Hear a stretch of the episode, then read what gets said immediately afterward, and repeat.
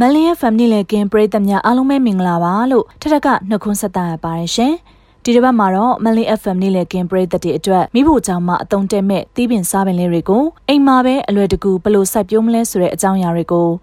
စိုက်ပျိုးရေးပညာရှင်ကိုသိန်းစွန်မင်း Greenway အစိမ်းရောင်လမ်းကိုအွန်လိုင်းကနေတစ်ဆင့်မေးမြန်းထားတဲ့အင်တာဗျူးအတန်ဖိုင်လေးကိုပရိသတ်တွေကနားဆင်ရမှာပဲဖြစ်ပါတယ်ရှင်။အကိုကြီးမင်္ဂလာပါရှင်။မန္တလေး FM ပြည်သက်ကြီးမင်္ဂလာပါ အပင်လေးတွေစိုက်ပျိုးတဲ့အကြောင်းမပြောခင်မှာအပင်လေးတွေစိုက်ပျိုးခြင်းကလူရဲ့စိတ်ကိုဘလို့အထောက်အကူဖြစ်စေလဲဆိုတဲ့အကြောင်းလေးသိပြရစီရှင်။ အာဟုတ်ကဲ့ပါဟိုကျွန်တော်ဒီဟာအတွက်ကိုဒီအစိမ်းရောက်လန်စိုက်ပျိုးရေးဖုန်းဆော်ဝဲမှာဒီစိုက်ပျိုးရေးတက္ကသိုလ်ကဆရာ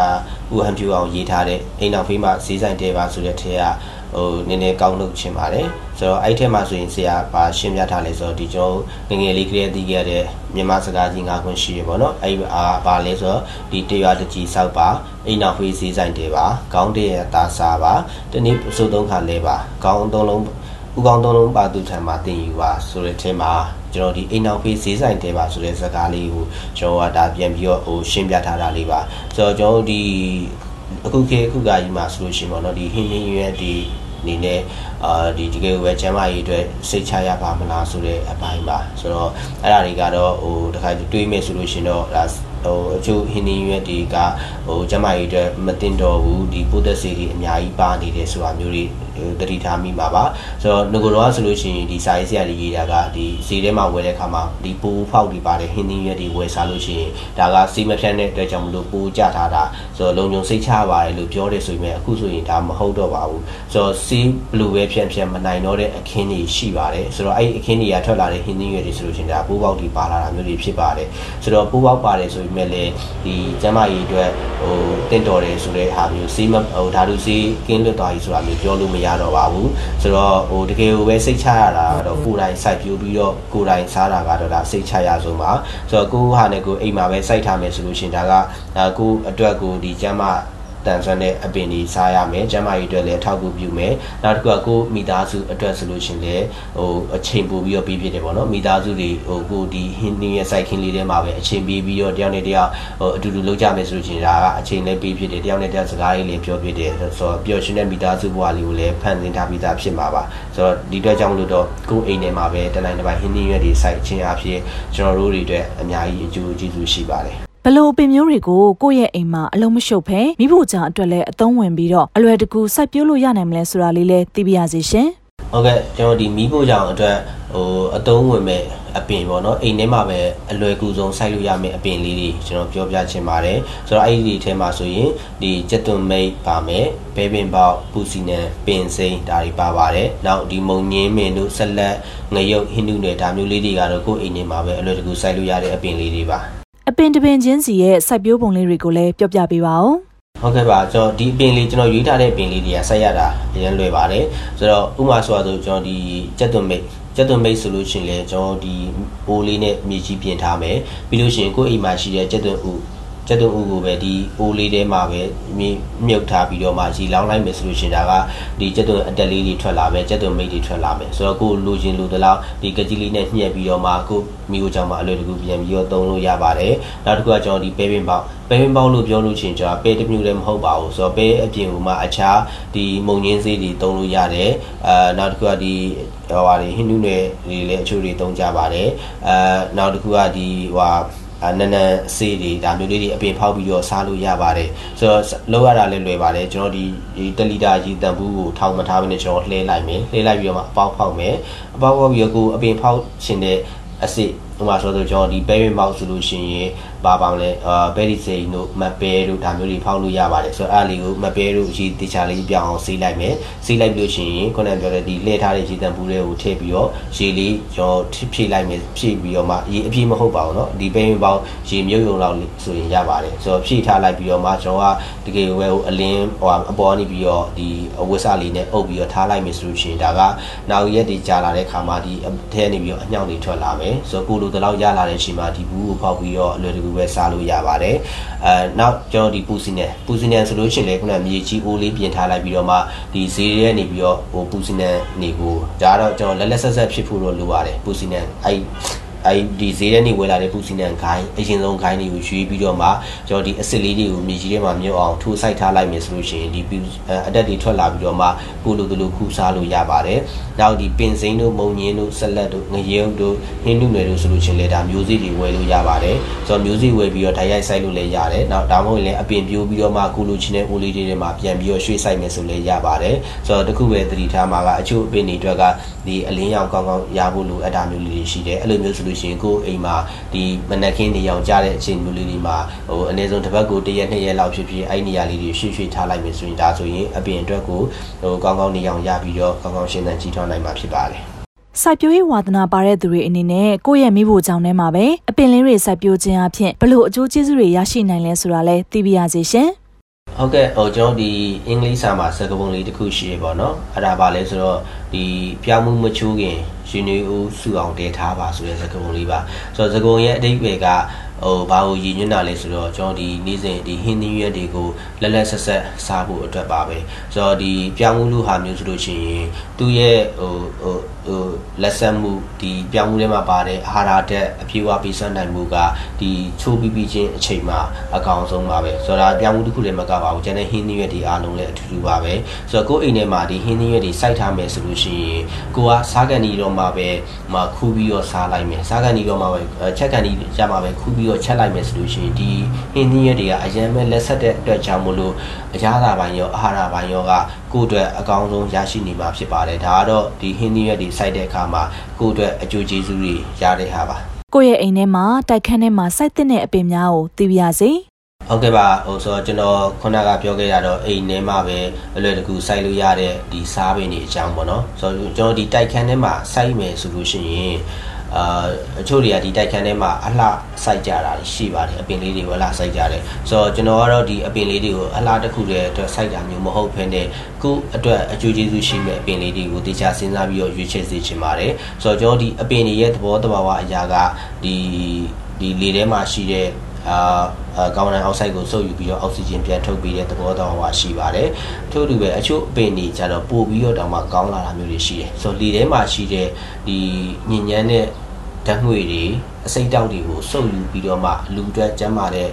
ဒီအောက်ဆီဂျင်တွေပြန်ထုတ်ပေးတဲ့အပင်မျိုးလေးတွေရှိတယ်ဆိုတော့ဒါမျိုးလေးတွေကိုရွေးချယ်ပြီးတော့စိုက်မယ်ဆိုရင်ပို့ပြီးတော့ကောင်းပါတယ်အဲဆိုတော့အဲ့ထဲတွေမှာဘာတွေပါလဲဆိုတော့မှာဆို spider plant ပါမယ် spider plant ဆိုတာကဒီအရွက်ရှိရှိလေးတွေနဲ့အဖြူနဲ့ အစိမ်းအစင်ကြားလေးတွေပေါ့နော်ဟိုဟိုအမြောင်ဟိုအကြားလေးတွေဒါမျိုးလေးတွေကျွန်တော်ကရွေးချယ်ပြီးတော့စိုက်လို့ရတယ်နောက်ငါးရိုးပင်လေးတွေဆိုတော့ငါးရိုးပင်ဆိုကျွန်တော်မြင်လိုက်တာနဲ့သိပါတယ်ဆိုတော့အရွက်ရှိရှိမှာမှကျွန်တော်ဒီငါးရဲ့ဟိုအလေကြောရိုးပုံစံမျိုးထွက်နေတဲ့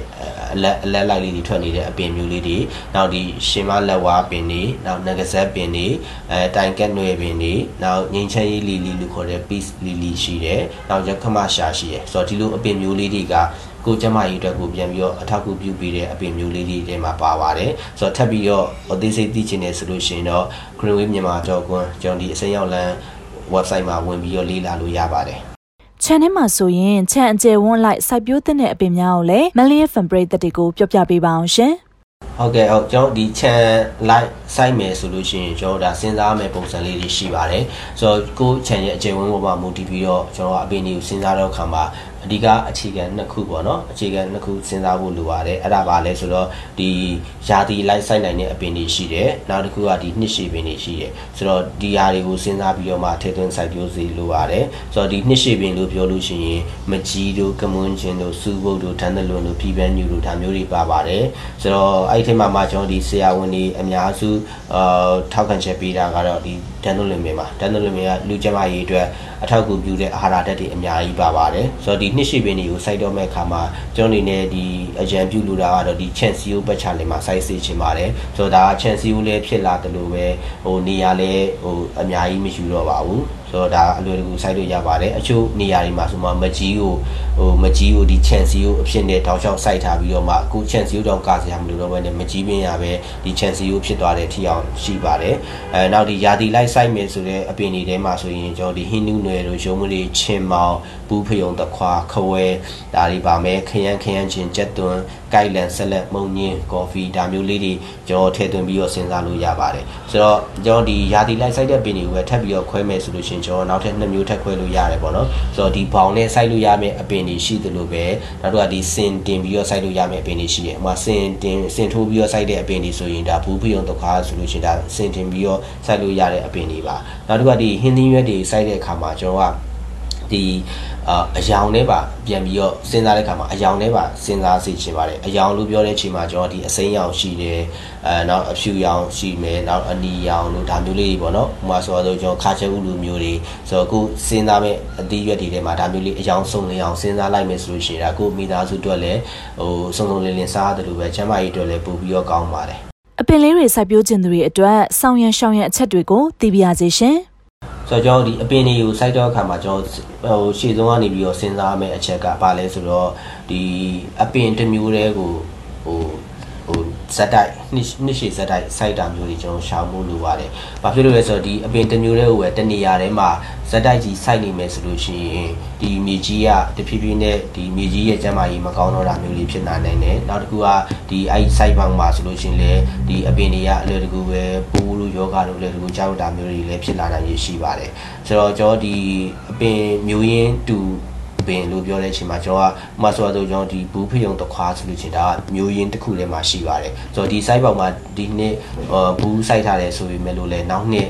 ဖေယုံတို့တခွားတို့ပြန်စိုက်တာဆိုလို့ရှိရင်ဒါကအတိပယ်တစ်မျိုးတည်းပါပဲဆိုတော့အဲ့လိုမျိုးဒီမျိုးရင်းမတူတဲ့အပင်တွေရွှေ့စိုက်ဖို့လိုပါတယ်နောက်တစ်ခုကတော့အပင်တွေကိုစုံစုံလင်လင်စိုက်ပြီးဖို့လိုပါတယ်ဆိုတော့အပင်စုံစုံလင်လင်စိုက်ပြီးခြင်းအဖြစ်ဘာတွေအတွက်ကောင်းလာလဲဆိုတော့ဒီပူမာယောဂကြာရောက်တဲ့တန်ဒီခံနိုင်ရရှိလာပါတယ်ဆိုတော့ဥမာဆိုတော့ကျွန်တော်ဒီ တစ်မျိုးလေးစိုက်မယ်ဆိုလို့ရှိရင်အဲ့တစ်မျိုးကိုကြားတဲ့ပိုးတွေကဟိုဟိုကြားလာတဲ့အခါမှာဒီစိုက်ခင်တစ်ခင်လုံးကြီးကိုအလွယ်တကူပြန့်နှံ့သွားနိုင်ပါတယ်ဆိုတော့အပင်မျိုးစားမတူတဲ့အခါမှာဒီအပင်မှာဒီပိုးကြပြီမယ်ဒီပိုးကနောက်တစ်ပင်ကိုထပ်ပြီးမစားတော့တာမျိုးတွေရှိတယ်ဆိုတော့အဲ့လိုမျိုးကြလို့ရှိရင်ဒီစိုက်ခင်ကဟိုပိုးကြနေပြီမယ်နောက်စိုက်ခင်တွေအတွက်ကပိုးမကြတဲ့ဟိုအပင်လေးတွေဖြစ်နေမှာပေါ့နော်ဆိုတော့ဒါမျိုးလေးတွေဟိုပိုးယောဂကြာရောက်တာလို့လည်းတက်တာစီသလိုကိုမိသားစုအတွက်လည်းစုံစုံလင်လင်စားရပါတယ်နောက်တစ်ခုကတော့ကျွန်တော်ဒီစိုက်ခင်ပတ်ချလဲမှာဆိုလို့ရှိရင် ဟိုအချို့အပင်လေးတွေစိုက်စေချင်ပါတယ်ဥပမာအဖြစ်ဒီချစ်တီဘန်တို့ဇဗလင်တို့ပင်စိမ်းတို့ပေါ့နော်။ဥပမာချစ်တီဘန်ဆိုလို့ရှိရင်သူ့ရဲ့အမြင့်ကနေပြီးတော့ဒီဟိုဓာတုစေးတစ်ခုထုတ်လိုက်ပါတယ်။ဆိုတော့အဲ့စေးကအခြားပင်တွေမှာကြားရောက်မဲ့ယောဂတွေကိုသူကပြန်ပြီးတော့နှိမ်နှင်းနိုင်စွမ်းရှိပါတယ်။နောက်ဒီဇဗလင်တို့ပင်စိမ်းတို့ဆိုလို့ရှိရင်လေသူ့ရဲ့အနက်ဟိုကဒီဟိုအပင်တွေကိုကြားရောက်မဲ့ ပိုးတွေကိုမလာအောင်လို့တားဆီးပေးနိုင်စွမ်းရှိပါတယ်။ဆိုတော့ဒါတွေကတော့ဟိုကျွန်တော်ဒီ site တဲ့ခါမှာစောင့်ရရှောင်ရအချက်လေးတွေပါ။အကိုရေအပင်တွေကိုတနေ့ဘယ်နှကြိမ်ရေလောင်းရမလဲအပင်မျိုးစားလိုက်ကိုအကိုကရှင်းပြပေးပါအောင်ရှင့်အာ ဟုတ်ကဲ့ကျွန်တော်ဒီအပင်တွေဟိုဟိုကျွန်တော်အမျိုးစားလိုက်ခွဲမဲ့ဆိုလို့ရှင်တော့ဟိုအများကြီးရှိတယ်ပေါ့နော်ဟိုဆိုတော့နည်းနည်းလေးခက်ပါတယ်ဆိုတော့အလွယ်တကူမှတ်သားလို့ရမယ့်ဟာတကူကတော့ဗာလဲဆိုတော့ကျွန်တော်အိမ်တွင်းထဲမှာအိမ်ကိုအိမ်ထဲမှာပဲစိုက်တဲ့အပင်တွေအတွက်ဆိုလို့ရှိရင်အာကျွန်တော်ဥပမာဆိုအိုးနဲ့မြေကြီးနဲ့စိုက်မယ်စိုက်တဲ့အပင်တွေဆိုလို့ရှိရင်ဟိုဟိုစဉ်းစားမှတကူကဒီအိုးထဲမှာရှိရဲ့ မြေကြီးကအပေါ်ရန်မျက်နှာပြင်6လာတဲ့အခြေအနေမျိုးမှာဒါလောင်းတင်ဆုံးအချိန်ပါဆိုတော့ကျွန်တော်တို့ဒီကိုယ်အိမ်ထဲမှာပဲစိုက်တဲ့အခါမှာကျွန်တော်တို့မှာတခုရှိရပါတော့ရေ များများလောင်းနေရေခဏခဏလောင်းနေလို့ရှိရင်အပြင်ကပူကြီးလာမယ်မြန်မြန်ကြီးလွယ်မယ်ဆိုတဲ့ဟိုဟိုစဉ်းစားတဲ့ပုံစံတစ်ခုရှိတယ်ဒါကလွယ်မားနေတာပါဆိုတော့ကိုအိမ်ထဲမှာအဲ့လိုမျိုးရေခဏခဏလောင်းမယ်ဆိုရှင်ကိုပင်လေးတွေကမတန်ဆွမ်းတော့ဘဲနဲ့မြန်မြန်သေးနိုင်ကြီးရှိပါတယ်ဆိုတော့အဲ့တဲ့ကြောင့်မလို့တော့ဟိုရေကိုခဏခဏမလောင်းဘူးတော့သတိထားဖို့လိုပါတယ်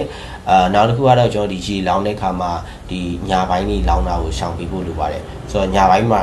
ကျွန်တော်ကြီးလောင်းလိုက်တယ်ဆိုရင်ကြီးအရွယ်ရွယ်မျက်နှာပြင်ပေါ်မှာကြီးအဆိုတဲ့တွေရှိလာမယ်ဆိုတော့တညာပိုင်းတညာလုံးဒီအရွယ်မျက်နှာပြင်ကဆိုနေတဲ့အချိန်မှာဒီအပင်တွေအတွက်ကိုအာယောဂါတွေအလွယ်တကူကြားရောက်နိုင်ကြီးရှိပါတယ်ဆိုတော့အဲ့အတွက်ကြောင့်မလို့ဒီညာပိုင်းမှာရှိမလောင်းမှုအတွက်လိုပါတယ်နောက်တစ်ခုကဒီ site ပေါင်းတွေလုံးမယ်ဆိုလို့ရှင်လဲဒီ site ပေါင်းတွေကရေဝင်အဲဒီရေဝင်ရေထွက်ကောင်းအောင်လို့ ဟိုစနစ်တကျလုပ်ဖို့လိုပါတယ်ရေထုံမြောင်းနေစနစ်တကျထားဖို့လိုပါတယ်ဆိုတော့နောက်တစ်ခုကဒီဘောင်စလုပ်ခရေကအဲ့ဘောင်ထဲမှာဒီတဘာဝမြေဩဇာတွေမြေဆွေးတွေညာညာထည့်ပေးဖို့လိုပါတယ်ဆိုတော့တဘာဝမြေဩဇာတို့မြေဆွေးလို့ဆိုတာကဟိုတဲဆန်တဲ့မြေဆိုလို့ရှိရင်သူကတဘာဝမြေဩဇာကြီးထိန်းထားပေးနိုင်တဲ့အတွက်ကြောင့်မလို့ကိုကကြီးခဏခဏလောင်ရတဲ့ထံတတနိုင်ပါတယ်ဒါမှမဟုတ်လေမြေကြီးကအရန်စေးတဲ့မြေကြီးလိုမျိုးဆိုရင်ရေဝတ်လွယ်ပါတယ်ဆိုတော့တဘာဝမြေဩဇာထည့်ထားလို့ရှိရင်အဲ့မြေကြီးကလေုံလေထွက်ကောင်းသွားတဲ့အတွက်ကြောင့်မလို့ဒီအပင်အတွက်ကိုထိခိုက်တဲ့ထံက တက်တာနိုင်ပါတယ်အကိုရေ IMO လို့ခေါ်တဲ့ထမင်းချင်ပေါက်ရီကအပင်တိုင်းအတွက်အားစေးလို့သိရပါတယ်။ကိုသိန်းစိုးမင်းကရှင်းပြပေးပါအောင်။ဟုတ်ကဲ့ကျွန်တော်ဒီ IMO ဆိုတာလေးကိုပထမတစ်ဆင့်ရှင်းပြချင်ပါတယ်။ဆိုတော့ IMO ကိုကျွန်တော်ဒီမြန်မာလိုဘာသာပြန်လိုက်တဲ့အချိန်မှာအာ data ရှိအနုစီဝါပုံမှန်များပေါ့နော်ဆိုတော့ကို data ကိုပတ်ဝန်းကျင်အနီးနားမှာရှိတဲ့ အာအနုစီဝါပိုးမွားတွေကိုစူးစီးထားတာကိုကျွန်တော်ဒီ IMO လို့ခေါ်ပါတယ်ဆိုတော့အနုစီဝါပိုးလို့ပြောတဲ့အချိန်မှာဒီအကျိုးပြုတဲ့အနုစီဝါရှိတယ်လို့ပဲအကျိုးမပြုတဲ့အနုစီဝါတွေလည်းရှိပါတယ်ဆိုတော့အကျိုးမပြုတဲ့အနုစီဝါလို့ပြောရင်ကျွန်တော်ဒီအပင်တွေကိုဒီယောဂတွေကြာစီတဲ့အဲယောဂတွေဖြစ်စေတဲ့အနုစီဝါပိုးမွားတွေကဒါကအကျိုးမပြုတဲ့အနုစီဝါပိုးမွားတွေပါဆိုတော့ကျွန်တော်တို့မှာအကျိုးပြုနေတဲ့ ကျွန်တော်တို့အကျိုးပြုတဲ့ဒီအပင်တွေကိုအကျိုးပြုတဲ့အနုစီဝါပိုးမွားတွေရှိပါတယ်ဆိုတော့အကျိုးအနုစီဝါပိုးမွားတွေဆိုလို့ရှိရင်အဲကျွန်တော်အမြင်သာဆုံးပြောကြမယ်ဆိုလို့ရှိရင်ဒီပဲမျိုးရင်းဝင်အပင်တွေကိုဆွဲနှုတ်လိုက်တဲ့အချိန်မှာအဲ့ အမြင့်မှာအဖုလေးတွေရှိပါတယ်ဆိုတော့အဲ့ဒီအဖုလေးတွေထဲမှာပါရှိလဲဆိုတော့ဒီအပင်တွေအကျိုးပြုတဲ့အနုစီဝါပိုးမွားတွေပါလာပါတယ်ဆိုတော့အဲ့ဒီအနုစီဝါပိုးမွားလေးတွေကလေထဲမှာရှိတဲ့နိုက်ထရိုဂျင်ကိုဖမ်းယူပြီးတော့မှဒီပဲပင်အတွက်ကိုနိုက်ထရိုဂျင်တက်ရအောင်ပြန်ပြီးတော့လှုပ်ဆောင်ပေးနိုင်ပါတယ်ဆိုတော့ဒါမျိုးလေးတွေကဆိုလို့ရှိရင်ဒါအကျိုးပြုတဲ့အနုစီဝါတွေပါဆိုတော့အကျိုးပိုးမွားလေးတွေဆိုလို့ရှိရင်ဒီအပင်အတွက်ကိုဒီအစာချက်တဲ့အချိန်မှာအစာတွေကိုမြန်မြန်ဆန်ဆန်ချက်နိုင်အောင်လို့ကောင်းကောင်းချက်နိုင်အောင်လို့ဟိုအ ထောက်အကူပြုပေးတာမျိုးလေးတွေရှိပါတယ်ဆိုတော့ဒါဒီလိုပိုးမွားလေးတွေကိုကျွန်တော်ကစူစီပြီးတော့မှဒီအပင်အတွက်ကိုအကျိုးပြုတဲ့ဒီအနုစီဝါပိုးမွားရည်ကိုကျွန်တော်ကပြန်ဖမ်းယူပြီးတော့မှလုပ်ကြတာတွေရှိပါတယ်ဆိုတော့အဲ့ဒီနီလန်းတွေတည်းကမှဒီထမရည်နဲ့အချင်းဖောက်တဲ့နီလန်းထမင်းချင်းဖောက်ရည်လို့ခေါ်တဲ့ဟာကတော့ဒါနီလန်းတစ်ခုပါပဲအပင်တိုင်းအတွက်အသုံးဝင်တဲ့ IMO လို့ခေါ်တဲ့ထမင်းချင်ဖောက်ရည်ဖော်စံနည်းကိုကိုသိန်းစိုးမင်းကပြောပြပေးပါအောင်ရှင်။ ဟုတ်ကဲ့ဆိုတော့ကျွန်တော်တို့အမြဲဟိုအခြားလူတွေတယောက်နဲ့တယောက်လောက်ကြတဲ့နီလန်နေမတူပါဘူးဆိုတော့ဟိုဒါကျွန်တော်အနေနဲ့လုပ်လေးရှိတဲ့နီလန်ကတော့အာဘာလုပ်လေးရှိလဲဆိုတော့ကျွန်တော်ဒီထမင်းလုံးကိုကျွန်တော်အရင်ဆုံးလုံးနယ်လိုက်တယ်ပေါ့နော်နယ်ပြီးတော့အလုံးလေးတွေဖြစ်အောင်လုံးလိုက်တယ်ဆိုတော့ဟိုအဲ့အလုံးလေးတွေကိုကျွန်တော်ကဒီအနုစီဝါပူမာတွေရှိမဲ့နေရာလေးတွေမှာကျွန်တော်လိုက်ထားလိုက်တယ်ဆိုတော့အနုစီဝါပူမာတွေရှိမဲ့နေရာလို့ပြောလို့ရှိရင်ကျွန်တော်ကဟိုအရင်ဟိုအကောင်ဆုံးဥမာအနေနဲ့ပြောလို့ရှိရင်တော့ ဒီတရွက်ဆွေးတွေမြေဆွေးတွေရှိနေတဲ့နေရာ ဆိုတော့အဲ့ဒီနေရာမှာဆိုလို့ရှိရင်သူကငကိုကလေးကဒီတရွက်တွေဆွေးဖို့ရအတွက်နုဖြူကပူမွားတွေအကူအညီနဲ့လောက်ရတာဖြစ်တဲ့အတွက်ကြောင့်လို့အဲ့လိုနေရာမျိုးလေးတွေမှာကျွန်တော်ဒီထမင်းလုံးလေးတွေထားလိုက်တယ်ဆိုတော့ဒီထမင်းလုံးထားလိုက်တဲ့အခါမှာလည်းဒီထမင်းလုံးကိုအချို့တွေကတော့ဒီထမင်းလုံးကိုအပေါ်နေပြီးတော့စက်ကူလေးနဲ့တေချာဖတ်ထုတ်လိုက်ပြီးတော့မှအဲ့ဒီနေရာလေးတွေထားကြတာတွေရှိတယ်အဲဆိုတော့ဟိုကျွန်တော်ကြည်လက်မှာလုပ်မယ်ဆိုတော့နေရာတွေအများကြီးစဉ်းစားရင်စဉ်းစားသလိုဟိုအများကြီးရှိပါတယ်ဆိုတော့ဟိုမှာအချို့တွေဆိုလို့ရှိရင်ဒီဝယုံပင်အောက်မှာ ဒီထမင်းလုံးသွားထားတာတွေရှိတယ်အဲအချို့တွေကကျတော့ဒီဒီရေအမြဲတမ်းလို့လို့လွှမ်းနေတဲ့ဟိုနေရာမှာရှိတဲ့မြေကြီးနဲ့ထမင်းလုံးကိုရောထားတာမျိုးတွေရှိတယ်ဆိုတော့နေရာမတူဘဲနဲ့နေရာစုံလေးလေးဒါတော့ဟိုပို့ပြီးတော့ကောင်းလေးလေးပါဆိုတော့နေရာအစုံမှာရှိတဲ့အကျိုးပြုတဲ့အနုစီဝါလေးတွေကျွန်တော်စူးစီးလိုက်တဲ့သဘောမျိုးပါပဲဆိုတော့ဒီထမင်းလုံးရလာတဲ့အခါမှာလည်းကျွန်တော်ကဒီထမင်းလုံးကိုဒီ9ရက်6ရက်လောက်အဲ့နေရာတွေမှာထားလိုက်တယ်ဆိုတော့ထားလိုက်ပြီးတော့အဲ့ထမင်းလုံးပေါ်မှာကျွန်တော်မှုတွေပေါက်လာပါတယ်ဆိုတော့အဲ့ ပေါက်လာတဲ့အချိန်မှာမှအဲ့မှုအဖြူရောင်ပေါက်တဲ့ထမင်းလုံးလေးတွေကိုကျွန်တော်ယူရတယ်ဆိုတော့အခြားအယောင်တွေမှာအနက်ရောင်လို့အခြားအယောင်တွေဆိုလို့ရှိရင်ကျွန်တော်ကဒါကမကောင်းတဲ့အနုစီဝါတွေဖြစ်နေတယ်ဆိုပြီးတော့ကျွန်တော်ဖယ်လိုက်ပါတယ်အဖြူရောင်မှုလေးတွေပေါက်နေတဲ့ထမင်းလုံးလေးတွေယူပြီးတော့မှကျွန်တော်ကဒီထင်ရက်ရည်လို့လည်းခေါ်တယ်တခါရည်လို့ခေါ်တဲ့အဲကိုကျွန်တော်အဲ့ထမင်းလုံးတွေကို၄၅6ရက်လောက်ကျွန်တော်စိန်လိုက်ပါတယ်စိန်လိုက်ပြီးဆိုရင်ရလာတဲ့အရည်တွေကိုကျွန်တော်စပြီးတော့အသုံးပြုလို့ရပါတယ်ဆိုတော့ အဲ့ဒီအရည်တွေကိုကျွန်တော်ဒီမြေဆွေးဒီကိုမြေဆွေးတွေပုံတဲ့နေရာမှာလည်းအဲ့အရည်ကိုသုံးလို့ရပါတယ်ဒါမှမဟုတ်လည်းအပင်ကိုလည်းဓာတ်ရိုက်ဖြန်းလို့ရပါတယ်ဆိုတော့အပင်ကိုဖြန်းမဲ့ဆိုလို့ရှိရင်ကျွန်တော်ဒီလေးလာကန်အာလေးကလန်ဒီစေဘုံတပုံဆိုလို့ရှိရင်လေးကလန်ဘုံတပုံဆိုလို့ရှိရင်ကျွန်တော်ဒီအရေးကိုဒီလက်ဖက်ရည်ပကံနဲ့တစ်ခွက်လောက်ပေါ့နော်အဲ့ဒါလေးထည့်ပြီးတော့ဖြန်းပေးနိုင်ပါတယ်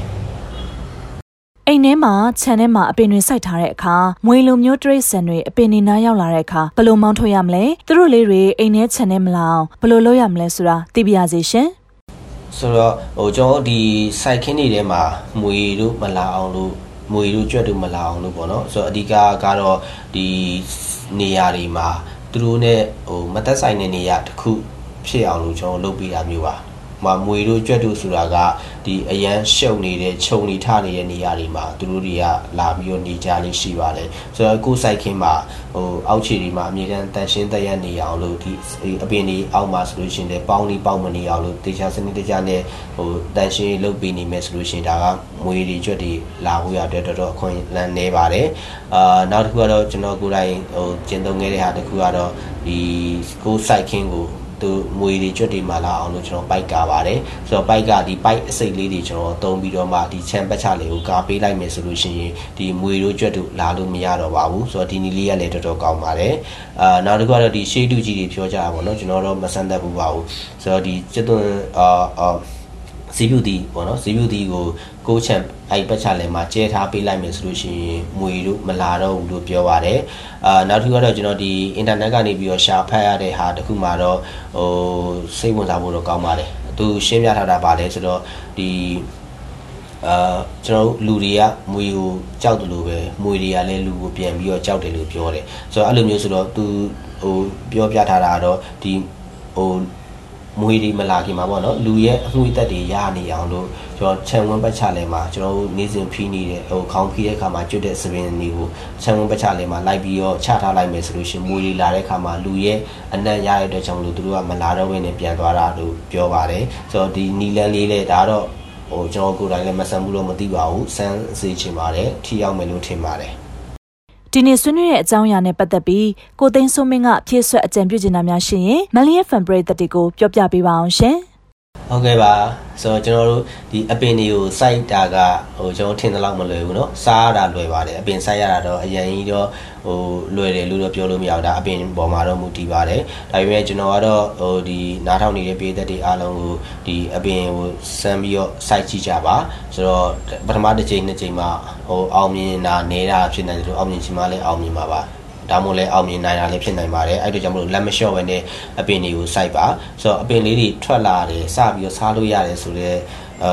ဟွာကခန်းစားချက်ကအရန်ကြည်ညိုစရာကောင်းပါတယ်ဆိုတော့အဦးဆုံးထွက်လာတဲ့အပင်တွေဆိုလို့ရှိရင်လေဟိုမှာဖျားစတော့တင်တာတို့ဒါမှမဟုတ်လေကိုကြည့်ရတဲ့လူကြီးမိဘတွေ အဲတငယ်ချင်းတွေကိုကြွေးတာတို့ဒါမျိုးလေးတွေလုပ်ပါဆိုတော့ကိုကိုတိုင်းဒီလက်လက်ဆက်ဆက်နဲ့စားရတဲ့ဟာကအရန်ခုံဖို့ကောင်းပါတယ်ဆိုတော့ကိုယ်တိုင်စိုက်ပြီးတော့ကိုယ်တိုင်ချက်လာတဲ့ဟာကြီးကိုတငယ်ချင်းတွေကိုလုံးဝကြွားပြစ်လိုက်ပါဒါငါကိုယ်တိုင်ချက်လာတဲ့ငါကိုယ်တိုင်စိုက်ထားတဲ့ဟင်းသီးရွက်တွေကိုချက်စားတာပါဆိုတဲ့ဟာကဂုဏ်ဝင်စရာတစ်ခုပါဆိုတော့ဟိုကျွန်တော်ဒီအခုလိုမျိုးဒီကိုဗစ်ကာလမှာအာကျွန်တော်ဒီစကလုံးတစ်ခု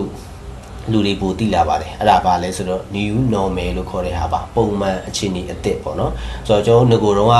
ဟိုဖြစ်ပြနေတဲ့ပုံမှန်အခြေအနေလေးတွေကဒီဒီကက်ယောဂအကြောင်းမလို့ပုံစံအသစ်လေးတွေပြောင်းသွားတယ်ပေါ့နော်ဆိုတော့အဲ့ပြောင်းသွားတဲ့အထက်မှာကျွန်တော်ကဘာတွေပါလာမလဲဆိုတော့ဘာဖြစ်လို့ကျွန်တော်ဒီကိုဗစ်ဖြစ်တဲ့အချိန်မှာကျွန်တော်ပို့ပြီးတော့တတိထားမိလာတာက ဟိုကျွန်တော်တို့ကဒီအိမ်ထဲမှာပဲနေရတယ်နောက်တစ်ခါကိုဗစ်ဖြစ်လိုက်တဲ့အချိန်မှာဟိုလူတွေကကုခန်းအားကောင်းလို့ရှိရင်ယောဂကိုကာကွယ်ပြီးသားဖြစ်လာတယ်ဆိုတော့အသည့်တစ်ခုကျွန်တော်တို့အများကြီးရပါတယ်ဆိုတော့ကျွန်တော်နေ့စဉ်စားနေတဲ့အစားအသောက်တွေမှာကိုယ့်အတွက်အာဟာရရှိရလားကိုယ်ခံအားအတွက်အထောက်အကူပြုရလားဆိုတာဒီကျွန်တော်တို့ဒီကာလမှာအများကြီးစဉ်းစားမိပါတယ်ဆိုတော့တကယ်ကိုပဲကိုယ့်ကိုယ်ခံအားအကောင်းဖို့ရအတွက်အာဟာရပြည့်ပြည့်ဝဝစားဖို့ရအတွက်ဒီစားသောက်တွေကိုစဉ်းစားတဲ့အခါမှာတကယ်ကိုပဲကျန်းမာတန်ဆင်းပြီးတော့လက်ဆက်ပြီးတော့မှဟိုဓာတုဆေးကင်းတဲ့ဟင်းသီးရွက်တွေကထိတ်ဆုံးမှာပါလာပါတယ်ဆိုတော့အဲ့အတွက်ကြောင့်မလို့ကျွန်တော်ကဒီနောက်ပိုင်းမှာဖြစ်လာမယ့်ပုံမှန်အခြေအနေအစ်စ်ဆိုတဲ့အထက်မှာက ဟိုကိုကိုတိုင်းစိုက်ပြီးတော့ကိုတိုင်းဟိုစားနိုင်တဲ့လက်လက်ဆက်ဆက်နဲ့တန်တန်ရှင်းရှင်းနဲ့ကျမကြီးတွေကမ်းညီတဲ့ဟင်းရွက်တွေကိုစားနိုင်နေဆိုတဲ့အာတခုကပုံမှန်အခြေအနေအစ်ဖြစ်လာနိုင်ပါတယ်ဒီဟာကပဲကျွန်တော်ဒီတငယ်ချင်းတွေကြားမှာဟိုပတ်ဝန်းကျင်မှာကုန်ကြအခြေအနေတခုဖြစ်လာနိုင်ပါတယ်တကယ်ကိုပဲလူမှုအဆင့်တန်းဆိုတာကကိုကိုတိုင်းစိုက်ပြီးတော့မှကိုတိုင်းတန်ရှင်းလက်ဆက်တဲ့ကျမကြီးနဲ့ညီညွတ်တဲ့အစားအသောက်တွေဆိုတာကဟိုတကယ်ကိုပဲဟိုလူမှုအဆင့်တန်းမြင့်တဲ့သူတွေရဲ့ဟို ဟိုအနေထားဆိုတဲ့ဟာမျိုးလေးတွေဖြစ်လာမယ်လို့ဒါကျွန်တော်အနေနဲ့ဟို team နဲ့ပေါ့နော်ဆိုတော့အဲ့ဒါအဲ့အတွက်ကြောင့်မလို့ကျွန်တော်ကိုယ်တိုင် site ပြီးတော့ကိုယ်တိုင်စားကြပါလို့ကျွန်တော်အနေနဲ့အကြံပေးလိုပါတယ်ဟုတ်ကဲ့အခုလိုနားထောင်ပေးတဲ့ Manly FM ပေးတဲ့ကြီးကိုအထူးကျေးဇူးတင်ပါတယ်ဆိုတော့ကိုယ့်အိမ်မှာတနင်္လာပိုင်းအပင်လေးတွေစိုက်ပြီးတော့ကျမ်းမာပျော်ရွှင်တဲ့ဘဝတွေပိုင်ဆိုင်ကြပါစေလို့ဆုတောင်းပေးပါတယ်